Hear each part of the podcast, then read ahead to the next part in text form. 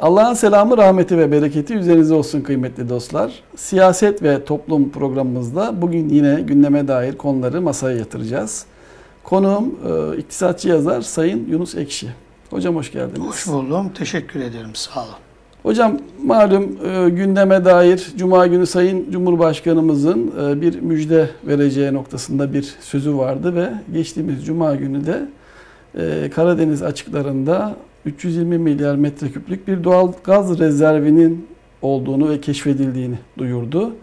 Bu doğrultuda tabii birçok eleştiriler de geldi. Yani seçim dönemine ilişkin bir çalışma olarak da görüldü bu. Bir yandan da topluma yansımaları merak konusu. Sizlerin bu konuda değerlendirmelerinizi rica edeceğim. Onun dışında diğer e, eleştirilere de cevabınız var mı? Buyurun.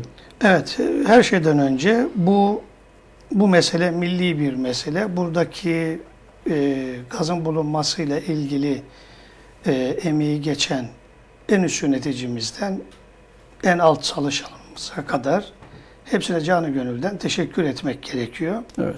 Tebrik etmek gerekiyor. Bu milletimizin menfaatine olacak olan bir dışa bağımlılığı kısacak olan temel bir e, ithalat unsurumuzun ana kalemlerinden bir tanesi. Dolayısıyla buna eleştiri getirenler seçim e, atmosferi, zemini oluşturuyor. Seçim propagandası anlamında bunlar kullanılıyor yaklaşımı çok şaşırtıcı buluyorum ben. Yani netice itibariyle bir siyasi partinin vazifesi milletine hizmet etmesidir. O hizmetinden dolayı da seçimlere bunu kullanmasıdır. Bak ben sana bu kadar hizmet yaptım, şunu yaptım, şunu yaptım. Dolayısıyla tekrar oy talep edecek, tekrar iktidar olmak isteyecek. Bundan daha doğal bir şey yok. Burada önemli olan şey eğer şu sorgulanıyorsa, bu analiz edilecekse, kaldı ki bu süreçle ilgili bu analizler de daha ilmi e, çerçeve ölçüsünde analiz edilmesi lazım. Burada işte söylenildiği gibi 320 milyar metreküp bir rezerv var mı? Burada söylenildiği gibi 2023'te bu milletimizin faturalarına yansıyacak bir e, çıkarım sürecini gerçekleştirebilecek mi? E, bunun iddia edildiği gibi e, cari açığa katkısı ne boyutta olacak? Buraların analiz edilmesi lazım ve bunu bunun dışında e, bunu farklı bir yerlere çekmek, buradaki bu başarıyı görmezden gelmek kabul edilebilir bir şey değil. Ya biz burada art niyet ararız. Tamam kardeşim eleştireceksin iktidarı ama bu yani bu eleştirilecek bir şey yok bu işin. Bunu takdir edeceksin. Tebrik edeceksin, dua edeceksin. Yani bu zam bu. zamanlama yönünden özellikle 2023'te bu e, hane halkının faturalarına yansıyacak yaklaşımı 2023 dönemindeki seçim sürecine bir e, Şimdi bunu Cumhurbaşkanımız bu şekilde propaganda kodluyor. algılanıyor. Algılansın bunu o zaman bakalım olacak mı olmayacak mı? Evet. O zaman şöyle bakarsınız yani 2023'te 500 milyar dolar e, ihracattan bahsediliyor. Evet. Şu anda oraları yakalamak şu aşamada mümkün değil. Yani bu sistemin içerisinde mümkün değil. Evet. Bunları sorgulayın. Yani şöyle şöyle demiştiniz. Hedeflerinizi şöyle koyuyorsunuz ama bunların bazı temellere dayanması lazım. Şimdi önümüzde 3 yıl var. Şimdi bu elbette Türkiye'nin buradaki bu başarısını örselemek isteyecek olanlar olacak. Farklı farklı yerlerden evet. bilirkişi anlamında e, konuşturulacak. Bunun bunun mümkün olmadığı anlamında, şu kadar sürede yapılabileceği anlamında bunlar söylenilecek. Şimdi ben burada daha farklı bir kanaat de taşıyorum. Yani hı. bulunan bazı rezervler de var. Evet. Bu rezervlerin e, bir süreç içerisinde açıklanabileceğini de düşünüyorum. Kademe yani kademe. Şimdi, tabii çünkü Akdeniz'de çünkü o zaman bütün dikkatleri üzerinize çekersiniz. Yani siz bu hareketleri burada yaparken, bu zenginliklerinize ulaşırken kaçınılmaz olarak bir güç unsuruna döne, dönecek tabii, bu. Tabii.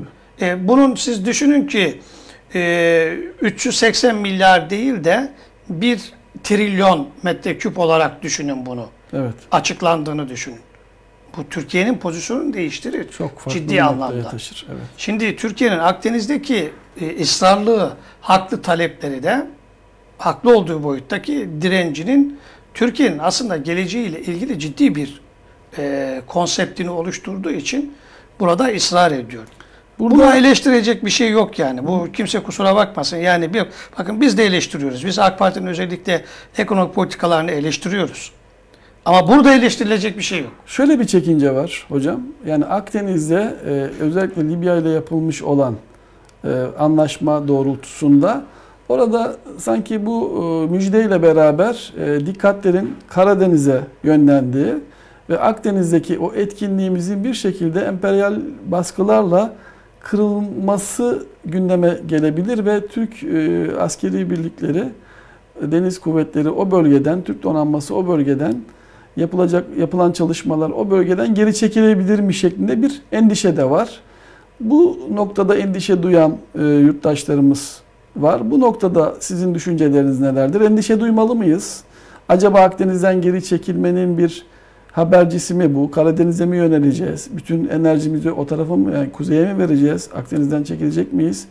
Böyle de bir endişe var. Bununla ilgili düşünceniz nedir hocam? Buyurun. Türkiye eğer şu anda Akdeniz'de yapmış olduğu hamlelerle ilgili geri adım atarsa o zaman endişe duymalıyız. Evet.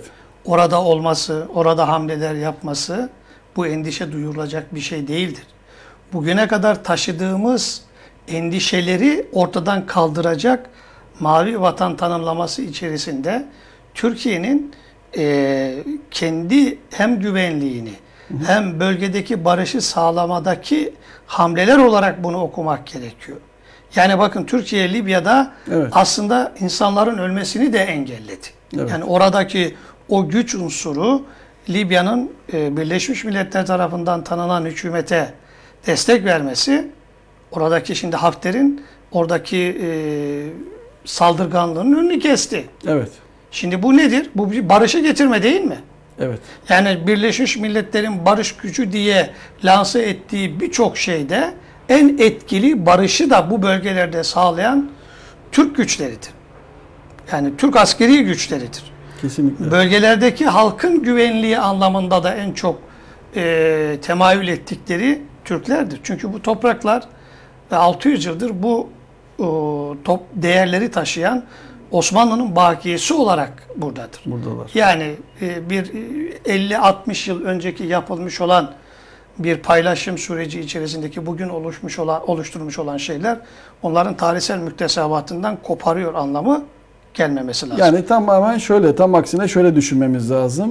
Ee, Türkiye Cumhuriyeti Devleti e, Akdeniz'de, Libya ile o bölgede Navtex ilan ettikten sonra aynı zamanda da Karadeniz'de böyle bir çalışma yapma kabiliyetine sahip bir devlet Türkiye haline zaten kendi münhasır sınırların içerisinde bunu buldu. Evet. Yani bizim bu Akdeniz'deki olay bambaşka bir olay. Yani bunun çok yönlü e, hala tartışılıyor. E, Türkiye buradaki çok yönlü hamlelerini yapıyor. Yani bir bölgesel, iki küresel, üç ekonomik. Ekonomik. Bu üç tane unsuru buradaki Türkiye'nin hamleleri belirleyecek unsurdur. Çok önemli. Şimdi buradan geri adım atmak yani küreseli burada egemen kıldığınız zaman bölgesel bütün ilişkileriniz bozulur. Siz Kesinlikle. küreselin oradaki egemenliğine müsaade edemezsiniz. Onlar bazı devletlerin üzerinden bu işi kurguluyorlar. İşte Yunanistan ön plana çıkartarak esas küresellerin istediğini yapan Macron üzerinden bu işi kurguluyorlar. E, dolayısıyla karşınızda aslında sizin bu bölgenin zenginliklerini almak isteyen bir e, küresel finans elit grubu var. Bunlar çünkü yeni finansal yapılanma süreci içerisinde dayanacakları zenginlikler çok önemli. Eğer bunları elde edemezlerse karşılarında bu zenginlikleri almış bir de zaten e, şeyi gereği e, konjonktür gereği millet olarak adaletsizliklere itiraz eden bu güç unsuru Türk e, devletinin eline geçerse onların hesabı kitabı bu işi şimdi büyümeden küçültmemiz lazım, engellememiz lazım. Bunlar ne gerekiyorsa yapılacak. Yani inanın bunlar bu bağlamda savaşı da göze alırlar. Yani eğer bir devletle bu işi Türkiye'yi çatıştırma noktasına getirebilirlerse ama burada Türkiye'nin kararlılığı görülüyor. Kim olursa olsun. Türkiye buradan geri adım atacak değildir. Bu şunu, onu şunu da hesap ediyorlar. Biz böyle bir hamle yaparsak uluslararası Türkiye'nin haklılığı da ortadadır. Yani Türkiye burada Evet. Masada da kazanır. Allah'ın izniyle denizde de kazanır. Yani orada geri adım atılması söz konusu değildir. Ya bugüne kadar Türk siyasetinde görülmemiş bir dış siyasette bu alanda bir ittifak var. Bakın bugün AK Parti'yi eleştiren e, askeri cenahtan gelenler bile AK Parti'nin bu politikaların son derece doğru olduğunu, bunların desteklenmesi gerektiğini, bu mesele bir siyasi bir parti meselesi değil, bu tamamen milli bir mesele olarak lanse ediyor. Ama buna rağmen e, burada millet biraz teveccüh ediyor. Evet. Kardeşim ediyorsa ediyor. Edemediği yerlerden, yapamadığı, eksik gördüğü yerleri söyle. Millet bunu görüyor, sen merak etme. Bir yandan da e, küresel egemen güçlerin baskılarına e, karşılık Karadeniz'deki bu çalışma yani bu keşif aynı zamanda da bir iktisadi bir alan açıyor. Dolayısıyla Evet. ülkemize de egemen güçlerin küresel e, finans elitlerin baskılarına karşı bir alternatif alan da açma imkanı doğuracak. Bu konuda ne, neler söyleyeceksiniz? Evet, şimdi bakın mesela e, bu müjdeyi Cumhurbaşkanımız verdiği zaman Berat Bey heyecanla bir açıklama yaptı. Bunun cari e, açık cari açığımız konusuyla ilgili e, Fazlalık oluşturacağını. fazlalık oluşturacağı şeklinde yaptığı bir açıklama var. Bunlar doğru değil. Yani buradaki rezerv belli 5-6 yıldan bahsediliyor. Evet. Senin 45 ile 50 milyar metreküp aranda bir e, yıllık tüketimin var Evet. ve bu bu da yani enerji açığı olarak yani yekün olarak 2019 yılında e, 41 milyar 184 milyon lira vermişsin. Evet. Ha bunun için bunların hepsi doğalgaz değil. Bunun içerisinde 13 milyar doları doğalgazdır. Evet. Dolayısıyla bunu böyle değerlendirmek lazım. Bu senin cari açığını kapatacak diye bir şey yok. Ama küçümsenemeyecek bir şekilde cari açığın kapatılmasına etkisi olacak. Ama cari fazlası verir. Böyle bir şey yok. Bu çok büyük bir yanlış.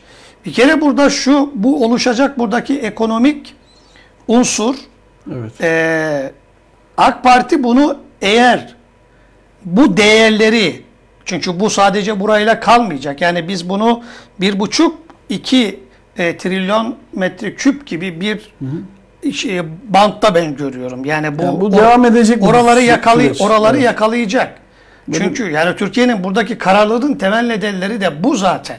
Yani çok ciddi riskler alıyor. Dolayısıyla şimdi böylesine bir zenginliği siz elde ettiğiniz zaman kardeşim şu hataya düşmemeniz lazım. Nasıl petro dolar bağlantısı vardıysa, Evet.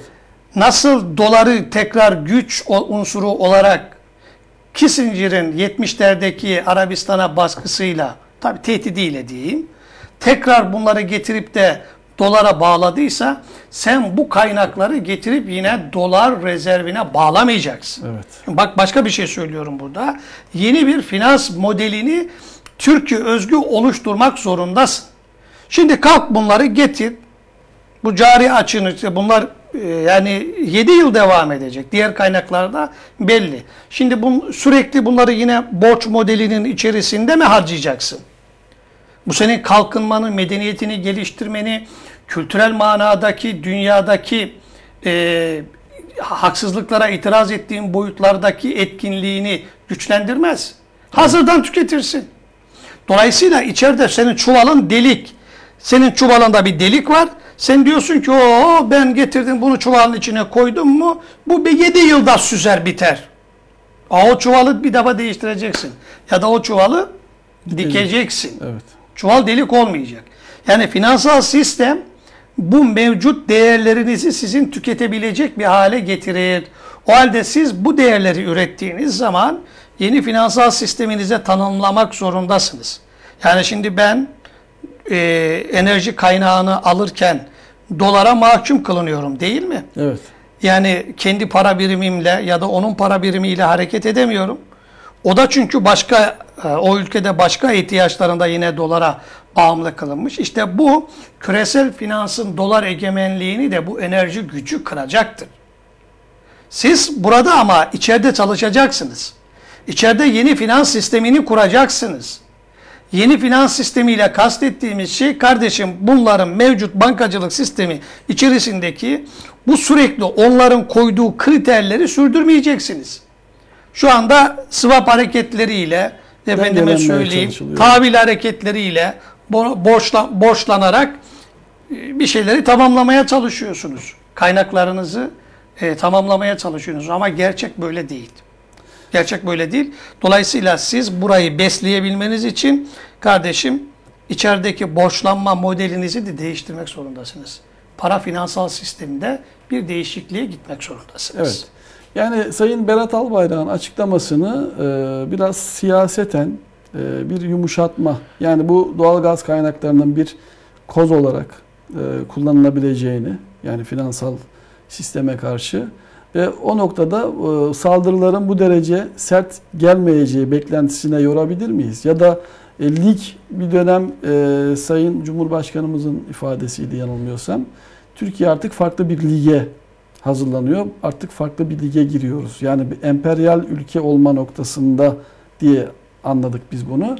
Yani e, Amerika gibi, Rusya gibi, Çin gibi emperyalist bir sınıfa girme düşüncesi mi var idarecilerimizde?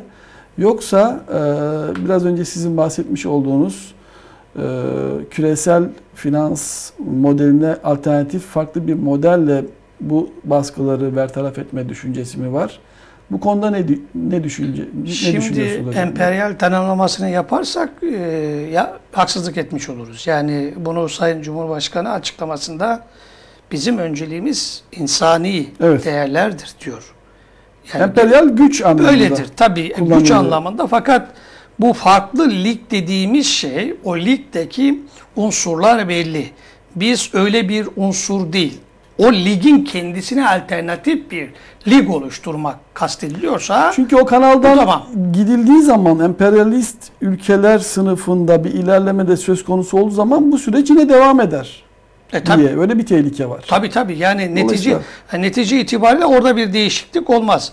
Ama şu bir gerçek yani şimdi burada şimdi herkes masada hesabını kitabını Türkiye'nin mevcut jeopolitik üstünlüğü bölgede Evet. ve e, e, ordu olarak güçlü olması ve yapmış olduğu bu hamleler sürekli oyunu yeniden revize ettiriyor. Revize etme, evet. Yani bir santranç gibi sürekli bir hareketlilik var burada. Kağıtlar sürekli yeniden Tabii. karılıyor. Şimdi- Tekrardan farklı bir e, Burada burada Türkiye'nin dış siyaseti de son derece aktif ve net. Yani duruşu net. Yani önceki gibi böyle arkasında güçlü bir ordunu hissetmiyordu. Güçlü bir siyasi lider, güçlü bir ordu. O da güçlü bir siya- dış siyaset e, olgusunu ortaya kaçınılmaz oraya ortaya koyuyor. Şimdi en önemli şey bakın buradaki bütün başarılarınız. Yani dış siyasetteki sağladığınız başarılar Evet. e, kendi münasır sınır, ekonomik sınır alanlarınızdaki oluşturacağınız kaynaklar bunların hepsini siz hangi sistem içerisinde yeniden dizayn edeceksiniz? Eğer mevcut sistemin içerisinde bu yapılırsa siz hazır yiyen olursunuz. Evet. Bu millete yansımaz. Yani getirirsiniz biraz doğalgaz faturalarını düşersiniz ama genel olarak onları da borç ödemeleri için kullanmak zorunda kalırsınız. Evet. Sizin önce borcu bitirmeniz lazım. Borç sistemini bitirmeniz lazım. Burası önemli. Yani siz oradan diyelim ki yılda 100 milyar dolar sürekli geliriniz var. E kardeşim sizin sürekli e, kısa vadede sürekli 150 milyar dolar borç ödüyorsunuz. Ne Evet. oldu? Ne değişti? Bu sizin cari açığınızı kapatır mı? Kapatmaz. Kapatmaz, Bu değil. sizin bütçe açığınızı kapatır. Çünkü cari açık, bütçe açığı, bu tasarruf denilen açıklar, bu 300 diye tanımlanan bu açıklar özü itibariyle sistemin kendisi üretiyor zaten. Evet. Siz şimdi ekonomik olarak biraz güçlendiniz mi, siyasal olarak da bir kararlılık göstereceksiniz ve sistemi değiştireceksiniz. AK Parti'nin şu ana kadar şu fark edilmiyor mu ya? AK Parti'nin şu ana kadar borçlanarak bu başa bir, bir takım bir şeyleri yaptı. Evet. Hastaneyi borçla yaptı. Her şey evet. Yolları Birçok borçla şey. yaptı. Sistem bu. Sistem böyle çünkü. Çünkü bir yere kadar geldin. Yani 127-129 milyarla borcu aldın. 100 435 milyara çıktı. Bir sürü de ne yaptın? Özelleştirme yaptın. Evet. E bunlar borç. E bunlar borç. Demek ki tamam burada bir gayret sarf ettin. Sen çok daha fazla vermedin ilk etapta. Buradaki kamu sektöründeki e, borçlanmayı Evet. işte yap işlet devlete, işte özel sektöre falan kaydırdı. Ya kardeşim neticede borç. Evet. Bunları masaya oturduğun zaman ödeyeceksin. Demek ki sen sistemi dönüştürecek yeni bir kurgusal model ortaya koymak zorundasın. Bütün başarıların gider. Şimdi adamların hesap ettiği şey bu. Neden bu kadar yüksek faizleri olmasına rağmen dünyada Türkiye borç hala bulamıyor? Neden? Çünkü Evet. hedef belli. Evet, hedef. Seni buradan sıkıştıracak ve başka yerlere sen de yöneliyorsun bu kez. Evet hocam son olarak e, evet e, küresel sistem, finans elitler, işte bankacılık sistemi üzerinden çok sert bir şekilde ülkemizi sıkıştırıyor. Bir yandan muhalefete bakıyoruz. Şu anda icraatın başındaki hükümeti sert bir şekilde eleştiriyor ve sert bir şekilde sıkıştırıyor. Şimdi bu sisteme alternatif geliştirme noktasında bir umudunuz var, yaklaşımınız var. Bu doğrultuda toplumdan ne bekliyoruz? Yani toplum da sert bir şekilde mi e, bu icraatları yorumlasın, takip etsin ya da seçim döneminde ona göre notunu versin? Yoksa toplumun duruşu nasıl ol- olmalı diyelim. Bu noktada da cevabınızı alalım ondan sonra programımızı Evet, kapatalım. burada Buyurun. iki yani toplumu iki bölüm olarak değerlendirmek lazım. Bir topluma kanaat önderliği yapan sivil toplum örgütleri, Evet. Temel hareketli olan noktalar, bir de halk. Halkın şimdi bu işi bu söylediğimiz minvalde kavraması son derece zor. Evet. Onlar olayı çok daha böyle yüzeysel bakıyorlar ve böyle lanse ediliyor. Yani bütün iletişim araçları da meseleyi böyle lanse ediyor. E, muhalefet de eleştirisini getirirken bu kurguyla düş, hareket ediyor. İktidar da böyle hareket ediyor. Çünkü bu siyaset bilimciler bunlara oyları avlamak için, kitleyi hareket etkilemek için bunları kodluyor. Diyor ki bu halkın anlayışı budur, eğitim seviyesi budur. Siz böyle hitap ederseniz bunlar bu meseleye e, taraf bulabilirsiniz.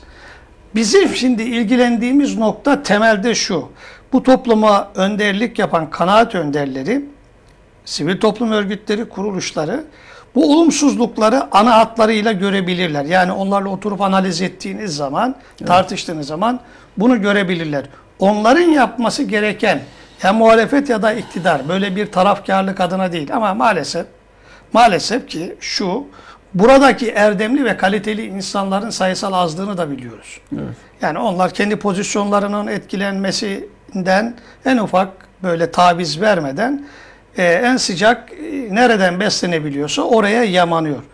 Bunları da kırıp geçirecek yeni bir güçlü sivil toplum hareketi şarttır. Şimdi biliyorsunuz birçok hareketler başlıyor. Evet. Birçok hareket şeklinde kendilerini tanımlayanlar var. Ama ne yapacaksın, neye itiraz ediyorsun dendiği zaman mevcut olan bir, bir kötü durum var. Ona itiraz ediyor ama ortaya bir şey koyacak yok. Bir argümanı yok. Burada ciddi bir sıkıntı var. İşte o da sistemsel meseleye bakamadıklarından kaynaklanıyor ve sistemi e, yeniden milletin lehine dönüştürme noktasında kurgusal altyapısı oluşturmuş ve bunu bir ekonomik program olarak millete sunabilecek de bir siyasi background zeminine doğru bir yolculuk olmadığından dolayı orada da maalesef istenilen şu anda bir ufuk da ışık o bağlamda göremiyoruz. Evet hocam ayaklarınıza sağlık tekrar. Bu Sağ arada olun, teşekkür e, ederim. evet Fatih sondaj gemisiyle Tuna 1 sondajıyla 320 e, milyar metreküp doğalgaz keşfini gerçekleştirmiş olan en alt kademedeki gö- görevliden en üst yetkiliye kadar hepsine teşekkür ediyoruz. Allah bereketini arttırsın. Değerli izleyenler siyaset ve toplum programımızın sonuna geldik. Bir sonraki programda tekrar bir arada olmak üzere Allah'a emanet olun.